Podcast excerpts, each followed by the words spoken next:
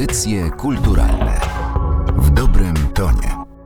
Przy mikrofonie Martyna Matwiejuk witam w trzecim odcinku Kontroli Jakości, w którym zajrzymy na kilka polskich albumów wydanych w ostatnim czasie. Jak zwykle będzie to podróż pozbawiona ram gatunkowych, od minimalistycznej elektroniki przez synestetyczne nagrania terenowe, inspirowane kosmosem post-rock z powiewem New Age'u, aż po współczesne interpretacje tradycyjnej muzyki ludowej. Zapraszam na lipcową odsłonę kontroli jakości.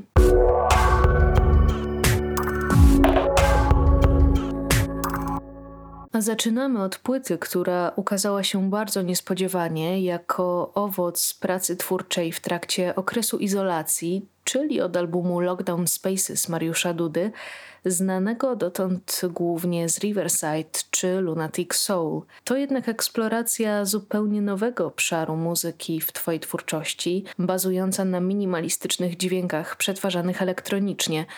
Opowiedz o tym momencie, w którym zrozumiałeś, że zaczynasz tworzyć coś zupełnie innego, co może być warte wydania. Myślę, że w życiu każdego artysty dochodzi do takiego momentu, kiedy definiuje swoją twórczość szuka nowych dróg, nowych rozwiązań, żeby nie popaść w marazm. Ja już swoją przygodę z muzyką zawodową mam od 20 lat.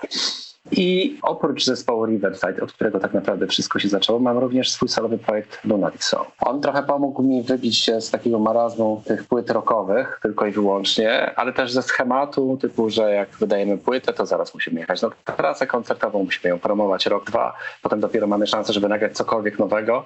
A ja nie chciałem nagrywać płyty co dwa, trzy lata. Chciałem praktycznie wykorzystywać te momenty, kiedy tylko mogłem. I Lunatic Soul zapełniał mi pewne takie, że tak powiem kolokwialnie dziury. Natomiast to, co się stało teraz, to jest trochę niezrozumiałe, ponieważ okazało się, że pewien schemat, który sobie wypracowałem już od, od, od jakiegoś czasu, zaczął mnie dłużyć.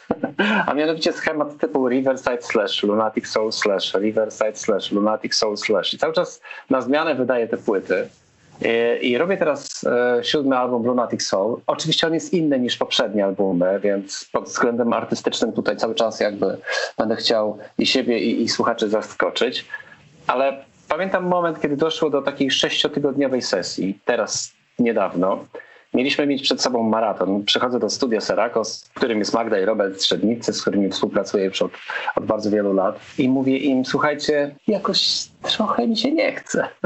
Oni mówią, no co ty mówisz? No po prostu czuję, że jest jakieś wypalenie formy. Więc tak od niechcenia wziąłem automat perkusyjny, wziąłem jakieś takie rzeczy elektroniczne. Stworzyliśmy jeden utwór i okazało się, że to nam się bardzo podoba. W ciągu dwóch tygodni tej sesji lunatycznej, podczas której narodził się Lockdown Spaces, wróciłem do czasów swojego dzieciństwa, o którym pisałem na płycie Love Fear the Time Machine Riverside. Więc poczułem się jak nastolatek, jakbym nagrał swoją pierwszą kasetę na Grundigu i ją po prostu pokazał mamie. Więc to było bardzo spontaniczne, nie ukrywam. I chyba podświadomie w jakiejś tam formie dążyłem do tych czasów dzieciństwa. Stąd ten klimat retro gier i, i całej reszty, o czym zdałem sobie sprawę tak naprawdę dopiero wtedy, kiedy ten album powstał. Ja słyszałam ostatnio taką teorię tworzenia, według której obszar działalności artysty dzieli się na dwie kategorie.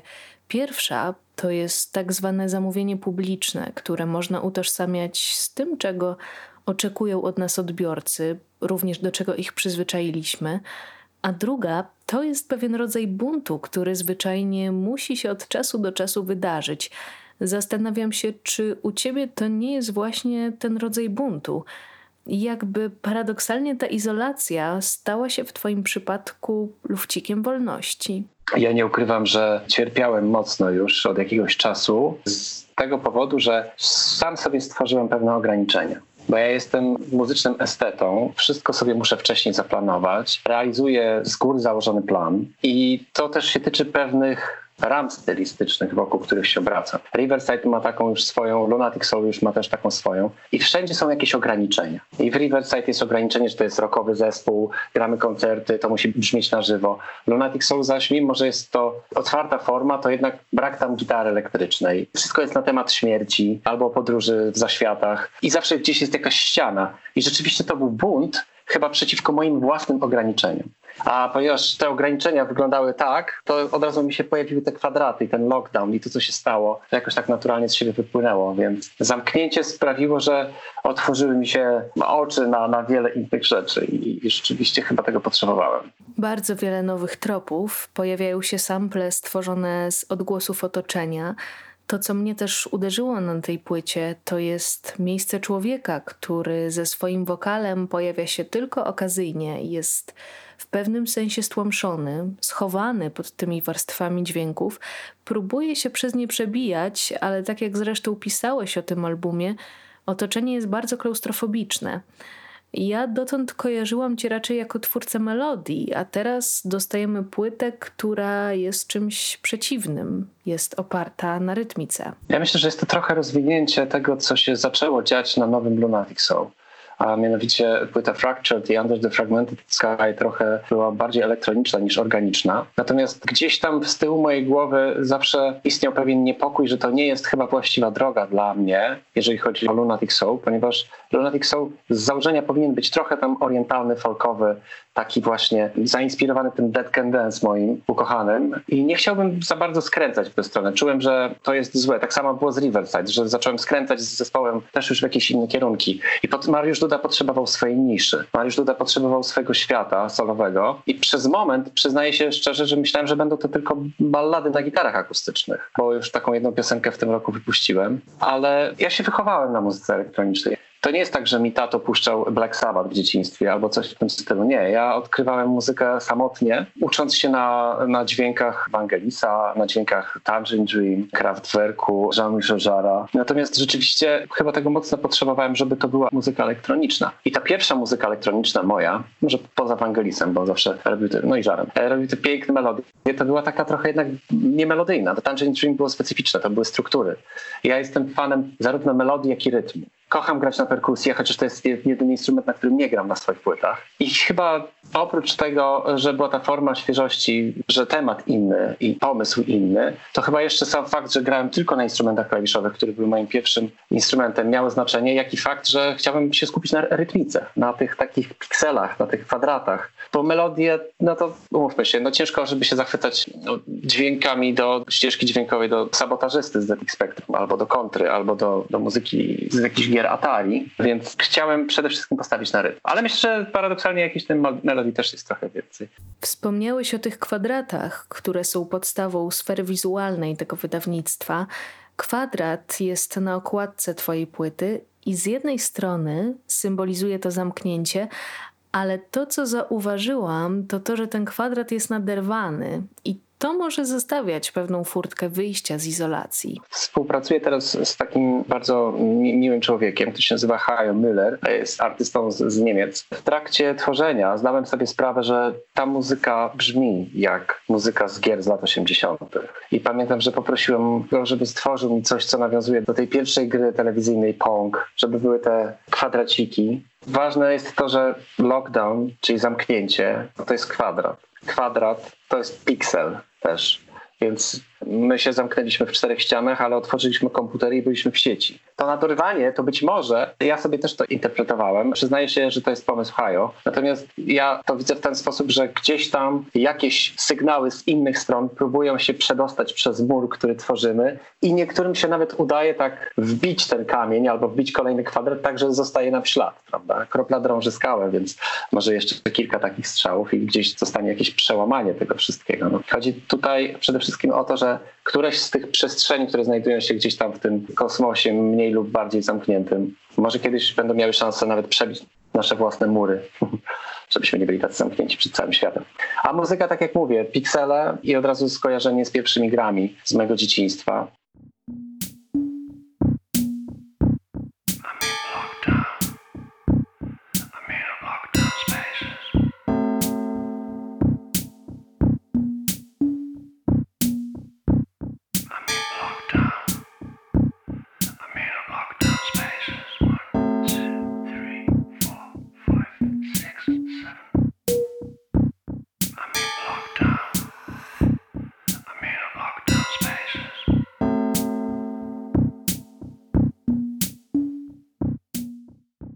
Gdzie byś umiejscowił to swoje nowe oblicze? Czy ten obszar kreatywności prezentowanej na Lockdown Spaces cię pochłonął i myślisz, że przyszłe wydawnictwa również będą kontynuowały poszukiwania muzyczne w tym kierunku? Tak, ja myślę, że zdecydowanie, ponieważ potrzebowałem tego do wypełnienia mojego takiego, nazwałbym, muzycznego uniwersum. Mam swój zespół rockowy, który przynosi mi pieniądze, z którym jeżdżę po świecie, który sprawia, że jestem trochę bardziej znany w niektórych środowiskach. Nie chcę tego psuć, nie chcę tego niszczyć, nie potrzebuję, żeby ten zespół przestał istnieć, bo ja się muszę realizować e, muzycznie gdzieś indziej, bo ja spokojnie mogę robić to symultanicznie. Natomiast ten zespół to będzie pewien zespół, gdzie są pewne schematy, których nie będę w stanie w żaden sposób zmienić. Tak samo jest z Lunatikiem, tylko że Lunatic chciałbym generalnie chyba skończyć. Myślę, że jeszcze jedna, dwie płyty i, i zamknę ten cykl symboliczny i przerzucę się na tworzenie pod swoim imieniem i nazwiskiem. Jeżeli chodzi o mnie, zadawałem sobie pytanie, co takiego mógłbym oferować sobie i światu innego niż w Riverside, innego niż w Lunatic Soul, żeby nie wchodzić sobie w paradę, nie konkurować sam ze sobą, nie robić chaosu. Pamiętam taki artysta, którego bardzo cenię i szanuję, Mike Patton z zespołu Fate No More w pewnym momencie zaczął wydawać setki tysięcy różnych projektów, gdzie tworzył podobną muzykę i przestałem za nim nadążać. I po prostu odpuściłem. Stwierdziłem, szanuję cię, ale chyba wrócę do pierwszych płyt Fate No More, tylko i wyłącznie. Więc ja nie chciałbym tego stworzyć. Myślę, że Mariusz Duda znalazł swój styl, a mianowicie to na pewno będą te rzeczy, które wychodzą mu najlepiej. A co wychodzi najlepiej Mariuszowi Dudzie? Piosenki mu wychodzą najlepiej. Jak robi proste piosenki, weźmie gitarę i zagra trzy dźwięki i, to jest fajne. I dobre płyty instrumentalne z wokalnymi wstawkami mu też wychodzą. Więc myślę, że będę to kontynuował jak najbardziej się tutaj pod tym względem rozwijał. Ta muzyka elektroniczna będzie chyba jednak trzonem tego wszystkiego, co tworzyłem. Tylko będę się starał nie powielać tego, co się dzieje naokoło, tylko tworzyć swoje rzeczy. Więc myślę, że potrzebowałem zacząć e, od, od zera, czyli też może ten powrót, ten restart do tego piksela, do tego kwadratu, do tej, tej podstawy był w jakiś sposób niezbędny i potrzebny.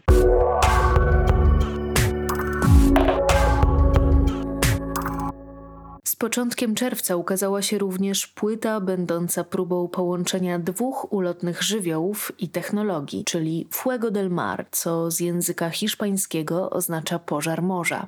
Za tym niecodziennym projektem stoi artystka Zuzanna Dolega oraz Michał Miegoń, muzyk znany m.in. z zespołu Kiev Office. Rozpoczęło się od mojego zbierania dźwięków ognia. Ja już jakiś czas y, robiłam takie field recordingowe sprawy i tak to się jakoś potoczyło, że tematy właśnie takie synestezji krążyły mi po głowie z racji tego, że ja w swojej praktyce artystycznej posługuję się ogniem. Jestem artystką pirografką, czyli maluję, wypalam ogniem i rozmowy z Michałem gdzieś tam zainicjowały taką myśl, żeby może oddać temu żywiołowi żywiołowi głos. I od tego się wszystko zaczęło. Te dźwięki takie pierwotne, od których wychodzimy, to są dźwięki palonych przedmiotów, to są dźwięki moich prac, które powstają i to są jakby sczytywane dźwięki z mojej pracowni. Wasza współpraca w duecie opiera się na pewnym kontraście.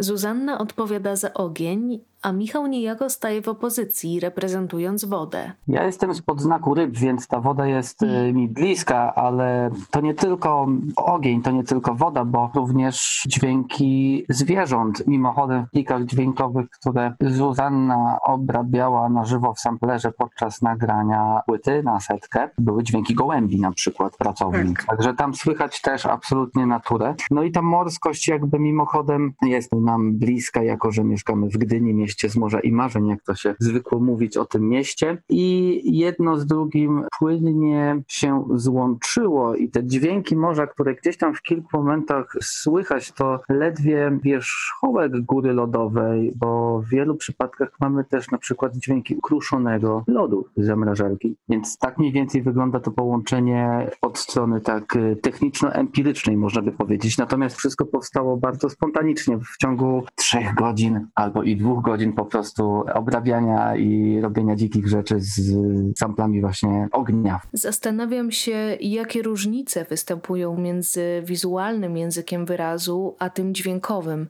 Jak je ze sobą połączyć i jak daleko znajdują się one od siebie? Są bardzo, bardzo blisko. Ja od dłuższego czasu też marzę o tym, żeby przełożyć z racji tego, że w tej swojej dniowej sferze ja pracuję na, na znakowości, na, na odtwarzaniu może nieistniejącego języka, coś, co się nazywa pismem asemicznym, takim intuicyjnym i, i wydaje mi się, że od samego początku krążyło mi to po głowie po prostu, żeby w jakiś sposób ten ogień przełożyć na język muzyki i to jest taki pierwszy krok ku temu, żeby nawet nie tyle powstało dopełnienie, co jakieś współistnienie świata wizualnego i muzycznego. Wydaje mi się, że nie ma widzialnego bez słyszalnego i też w jakiś sposób nie ma słyszalnego bez widzialnego. Jest to wspaniałe dopełnienie. Mi to bardzo dużo dało też do mojej praktyki artystycznej, do innego postrzegania tej sfery wizualnej. Trzeba dodać, że tworzę do tej muzyki wizualizacje na żywo, które też są oparte na tym żywiole ognia i, i na, na pirografii. Wydaje mi się, że to wspaniale współistnieje i tak miało być.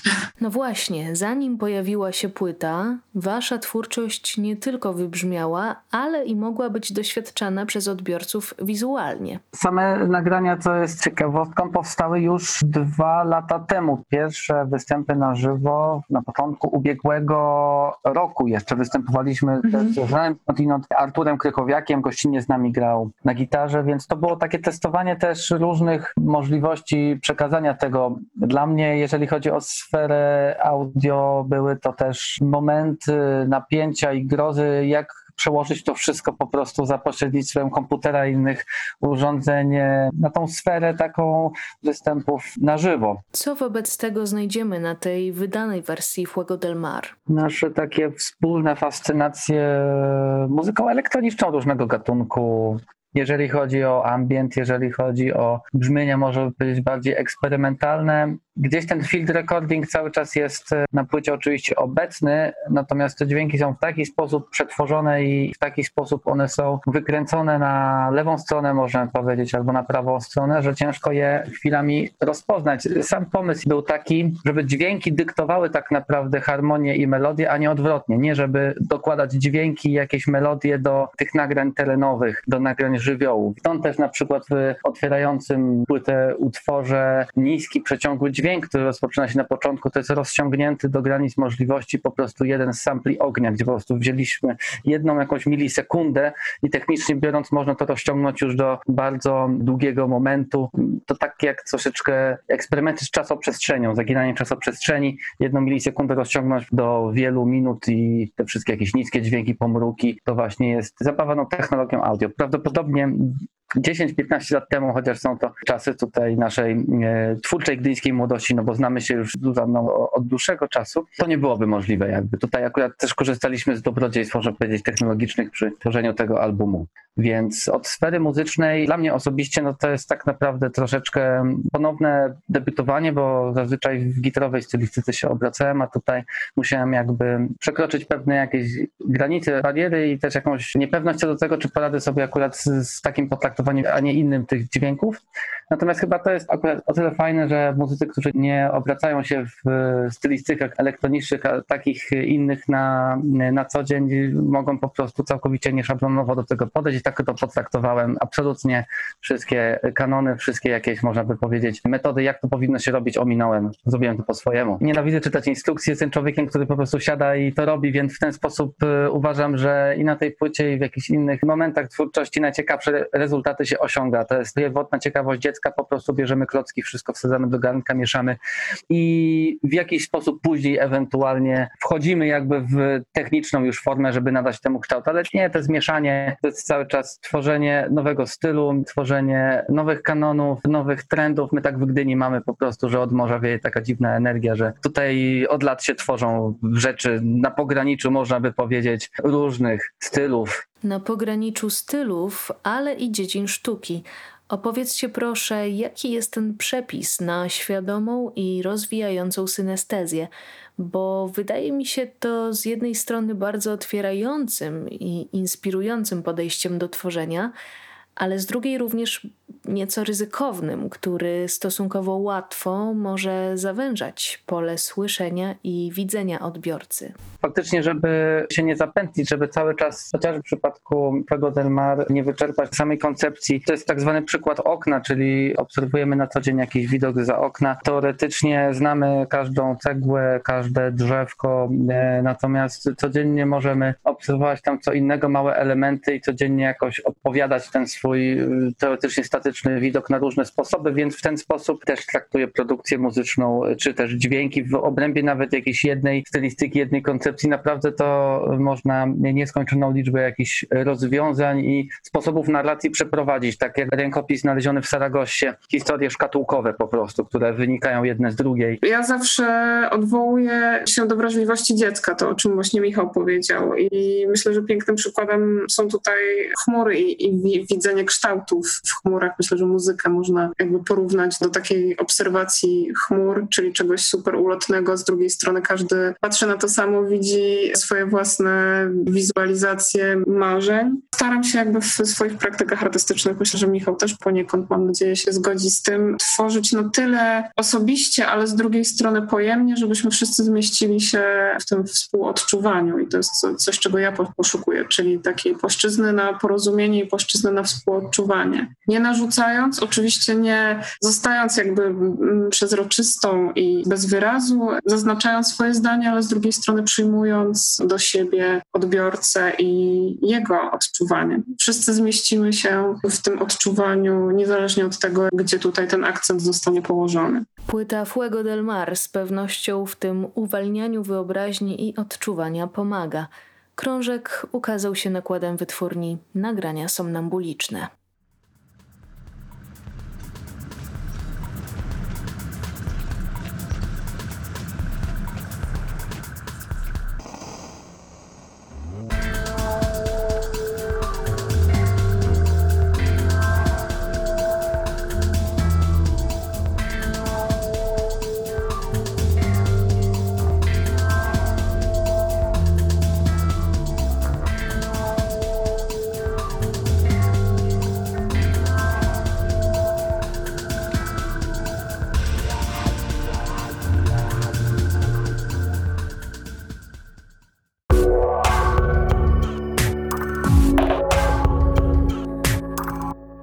Zajrzyjmy teraz na obiecaną płytę inspirowaną muzyką folkową.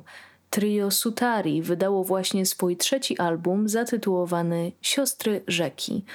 O tym, dlaczego to właśnie rzeka stała się motywem przewodnim, opowiada Basia Songin. Miałyśmy taką przygodę, że miałyśmy możliwość współpracy z japońskim duetem tancerzy Buto, Mutsumi i Neiro. Robiłyśmy wspólne wydarzenie, performance, połączenie tańca i muzyki improwizacji dookoła tych dwóch mediów i nazwałyśmy to temat rzeka. I w zasadzie wtedy tak wnikliwiej przyjęłyśmy się, jak wiele wątków splata się dookoła rzeki, jak bardzo jest to niezwykłe miejsce rzeka i tak jak mówimy same o naszej płycie, że wybrałyśmy rzeki dlatego, że jest to miejsce zarówno spotkań, jak i granica. Jest to życiodajna siła, która nas karmi i poi, nie tylko nas, ale też i cały świat przyrody, ale jest to też miejsce mistyczne, magiczne, związane z rytuałami, z tajemnicą. Poczułyśmy, że, że jest to świetny temat do opowiedzenia przez całą płytę. Czułyśmy niedosyt po tym performensie. Nazwa waszego albumu nawiązuje również do bardzo ważnej inicjatywy. Siostry Rzeki to wspaniałe kobiety, artystki, aktywistki, ale też takie, które nie nazywają siebie tymi słowami, ale osoby, którym bliskie jest i dla których ważne jest to, żeby dbać o rzeki, żeby nagłaśniać kwestie związane z całą gospodarką wodną, z problemem suszy i działaniami, które generują ten problem, czyli poszerzaniem rzek, wylewaniem ścieków do rzek i tak dalej, i tak dalej. I robią wspaniałe akcje właśnie na przecięciu z jednej strony jakiejś takiej właśnie aktywności społecznych, a z drugiej bardzo ciekawe artystycznie akcje. I my już od jakiegoś czasu śledzimy i wspieramy działania sióstr rzek No i jak nam się urodził pomysł na ten tytuł, to pomyśleliśmy, że to jest w ogóle wprost idealne, bo nie sposób mówić o rzekach i opowiadać o rzekach i śpiewać o rzekach, nie nawiązując do, do tej wspaniałej akcji. Rozmawiając jednak o muzyce, jaką znajdziemy na albumie, muszę zapytać Cię o te nietypowe instrumenty, którym dałyście głos na Siostrach Rzeki. Z takich mniej typowych instrumentów mamy kankle. Kankle grały już też na drugiej naszej płycie, na Ostach.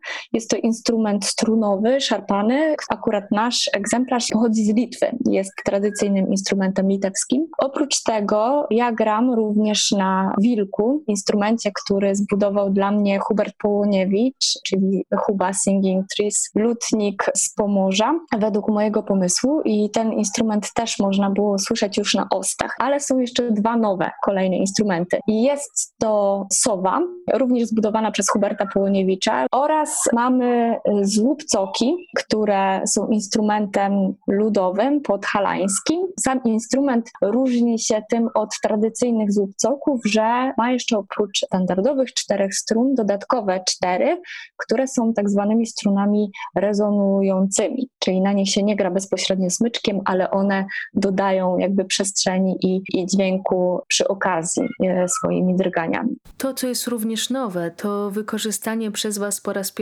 elektroniki. Jak się odnajdujecie w takiej formule łączącej tradycyjne folkowe granie ze współczesnymi narzędziami? Jako elektronikę używamy loopera. Jest to taki instrument, który pozwala z jednej strony wejść trochę w ten świat dźwięków elektronicznych poprzez zapętlanie tego, co nagrywamy, czyli pozostając w świecie muzyki akustycznej, takiej naturalnej i robionej na żywo. Jest to dla nas wyzwanie, ale miałyśmy już ogromny apetyt, żeby spróbować jakichś nowych wariantów i urozmaiceń i pomysłów na tą muzykę, którą się zajmujemy już bądź co bądź od 8 lat, poszukać nowych ścieżek, a jako, że same siebie nie jesteśmy w stanie zmultiplikować, potrzebowałyśmy narzędzia, które nam w tym pomoże. I Luper tutaj do nas właśnie przychodzi jako pomocnik, chociaż oczywiście nie jest to łatwe narzędzie, wymaga dużo większej dyscypliny i wsłuchania się w to, co same nagrałyśmy. Jest też swoistym metronomem, a my jednak zawsze tworzyłyśmy muzykę żywiołową, której tempo i rytmika jest w zasadzie kreowana na żywo e, między nami. I jeżeli nam emocje rosną, to tempo pieśni często rosło razem z nami, a tutaj mamy teraz luper, który trzyma nas w garści ustalonego tempa, które wgrałyśmy same sobie śpiewając czy grając na jakimś instrumencie. Świeci księżyc, świeci, jak gwiazdy mrugają. Oj, latka, moje latka, co mi przemijają.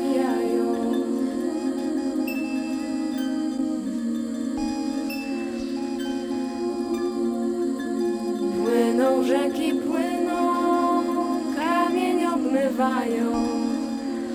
Oj, latka, moje latka, co mi przemijają.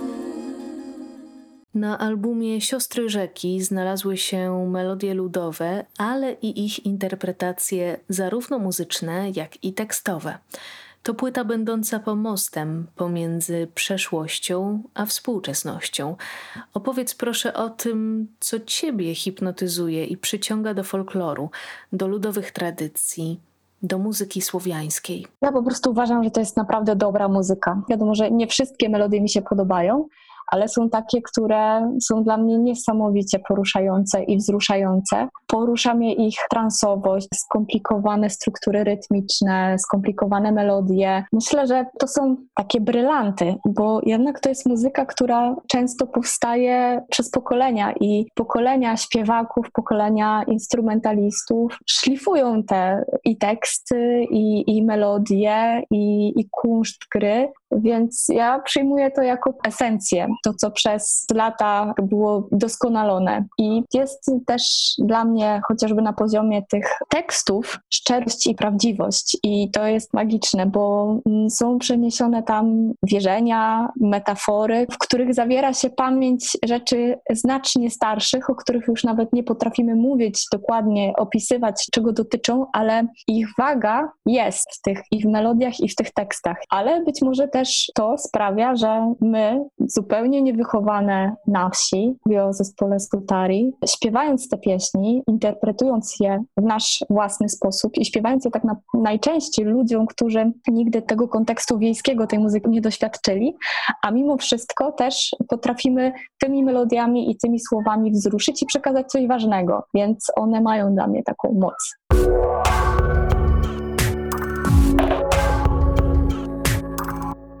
Wejdźmy jeszcze w świat stworzony na najnowszym albumie zespołu Wysokie Cello, czyli płycie Yrky Tatasz, co w języku węgierskim oznacza eksplorację kosmosu. Ta grupa z każdym kolejnym wydawnictwem pokazuje nieco inną twarz swojej muzyki, ale tym, co się nie zmienia, pozostaje tematyka kosmosu, o której opowiadają Maciej i Janusz Jurga. Jakoś to przyszło naturalnie i stwierdziliśmy, że jest to w ogóle bardzo ciekawy motyw muzyczny, ten kosmos, o którym można opowiadać na wiele różnych sposobów. I tak jakby mając to z tyłu głowy, przyszło do nas wiele pomysłów. To znaczy właśnie bardzo szybko pojawił się pomysł na Rytazarz, płytę o takim trochę bardziej dziecinnym wymiarze, ale absolutnie nie infantylnym, ponieważ była to płyta, która opowiadała o podróżach kosmicznych w takim trochę dziecięcym wydaniu, takim marzycielskim. Przyszło Wzium, które było takim konceptem kosmicznej imprezy, ponieważ właśnie tak jakby taka hausowa muzyka nam się kojarzyła trochę z takimi kosmicznymi dźwiękami, w sensie tą, z którą mieliśmy styczność w dzieciństwie. No i kiedy przyszedł pomysł na Erky Tatasz i pojawiły się pierwsze szkice, to pomyśleliśmy, że ta muzyka zmierza w kierunku takiej właśnie apokalipsy, takiego finalizmu, koncepcji, że wszystko, niezależnie jak się zaczyna, zbiega do jednego końcowego punktu. I pomyśleliśmy, że to również można bardzo plastycznie ująć w tematach kosmosu, więc myślę, że to się bierze stąd. Nie wiem, co wy na to, ale obok tego postroka i ambientu, jakie znajdziemy na Yrky Tatasz, ja słyszę na tej płycie sporo odlotów nawiązujących do estetyki muzyki new age'owej. Kiedyś mnie się New Age właśnie kojarzył z taką kiczowatą estetyką, aż rok temu odkryłem japońską muzykę ambientową, osadzoną bardzo mocno w tej muzyce New Age'owej i tak jakby totalnie to odmieniło moje myślenie o tej muzyce i myślę, że tutaj akurat czerpiemy tylko i wyłącznie z tej warstwy muzycznej tego New Age'u, raczej nie idą za tym jakieś filozoficzne właśnie podwaliny tej dziedziny. Myślę, że to byłby dosyć niekonwencjonalny miks takiej historii apokaliptycznej i New Age'owej, do końca nie potrafię sobie tego w tej chwili wyobrazić. Bardzo mnie zaciekawiło to, co powiedziałeś o fascynacji japońskim minimalizmem i ambientem. Jak to się u ciebie zaczęło? Bo rok temu ukazała się taka dosyć głośna składanka Kankyo Ongaku, prezentująca wielu artystów, która ponownie zwróciła uwagę zachodniego świata na tę japońską twórczość z lat 80. Tak, to znaczy ja akurat słuchałem tej składanki, natomiast wydaje mi się, że tak jakby to moje odkrycie polegało na tym, że po prostu ta muzyka została w pewnym sensie odkryta przez algorytmy YouTube'a, jeśli można w ogóle tak powiedzieć, bo znane są przypadki, kiedy YouTube rekomenduje bardzo różne rzeczy użytkownikom i po prostu ja natrafiłem na tę muzykę, mimo że dużo lat wcześniej słyszałem o takich wykonawcach i kiedy YouTube mi zaproponował tak jakby jeszcze raz do posłuchania sobie tych albumów, to bardzo mnie to urzekło. Natomiast wydaje mi się, że nawet jeśli jest pewien renesans tej muzyki, to raczej wśród słuchaczy głównie. Bardzo niewiele powstaje nowych projektów, które tak jakby są wierne tym dźwiękom, ale mnie to bardzo cieszy, bo, bo to faktycznie jest bardzo bogata muzyka dla mnie, jakościowo czy artystycznie. Time is gone.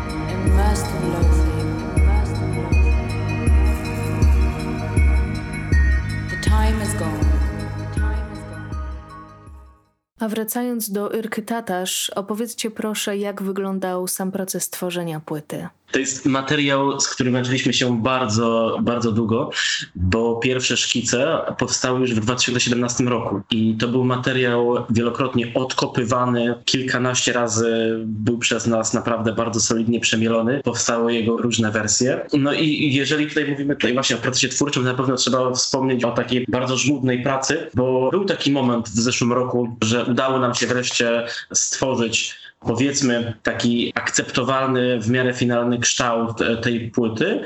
Natomiast ta płyta była wtedy jeszcze bez wokali. Ten album wtedy był taki jeszcze dość pusty i mimo tego, że było tam sporo takich fragmentów, które nam się podobały, no to mieliśmy takie wrażenie, że czegoś tutaj jednak brakuje. Ja myślę też, że to bardzo dobrze, że ten materiał dojrzewał i ostatecznie rozszerzyliście go o te wokale, bo płyta mimo tylko czterech kompozycji wydaje mi się być niezwykle wielobarwna. Wy w ogóle jako wysokie cello macie bardzo szerokie zainteresowania muzyczne i zastanawiam się, jaki wobec tego może być kolejny album. Czy macie jeszcze jakieś obszary, które chcielibyście eksplorować? Marzę o płycie Wysokie Cello, która jest taka krautowo-taneczna. Nazwałbym to takim połączeniem tego, co robiliśmy na Wzium, takiej przebojowości myślę, że taka wizja takiego tanecznego krautrocka byłaby bardzo nam na rękę, ale też myślałem, żebyśmy, że fajnie byłoby kiedyś pójść w jeszcze bardziej przebojowe rejony niż Wzium, ale to zobaczymy, zobaczymy co będziemy mieli w głowach za, za parę lat. No ja tutaj z pewnością chciałbym w przyszłości, może nie akurat pod nazwą Wysokie Czelo, wydać jakąś płytę e, black metalową. Co więcej, my tutaj z Maciejem mieliśmy kiedyś projekt jeszcze przed Wysokie Czelo. E, Ale mamy przecież jeden jeszcze utwór niepublikowany i to ważny utwór, który, który trochę zahacza o ten black metal i, i jest to utwór Wysokie Cello. Chyba wiem, o którym mówisz, chyba No, wiem, o którym mówisz. Tak jakby przyjdzie czas na niego jeszcze, więc bardzo różne rejony eksplorowaliśmy, więc może kiedyś jeszcze Wysokie Cello zajrzy do black metalu. Czuję się zaintrygowana wysokim cello w wersji black metalowej, a na zakończenie podpytam was jeszcze, czego sami ostatnio słuchacie.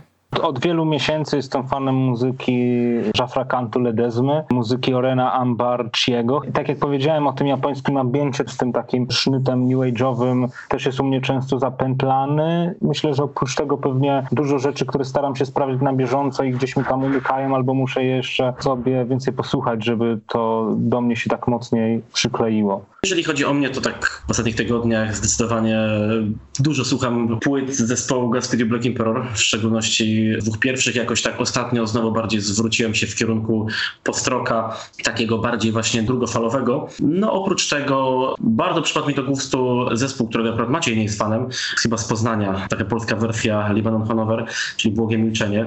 E, No bardzo mnie ujęła ich epka, więc kibicuję chłopakom. Ostatnio też nowe kawałki Żabsona też uważam za bardzo spoko. A my w kontroli jakości polecamy Wysokie Cello i ich ostatnią płytę wydaną przez wytwórnię Opus Elefantum. Za nami trzeci odcinek subiektywnego przeglądu płytowego w audycjach kulturalnych. Listę wszystkich albumów, o których dziś rozmawialiśmy, znajdą Państwo w opisie podcastu. Zachęcamy do zapoznania się z tymi wydawnictwami. Ja nazywam się Martyna Matwiejuk. Dziękuję za uwagę i do usłyszenia.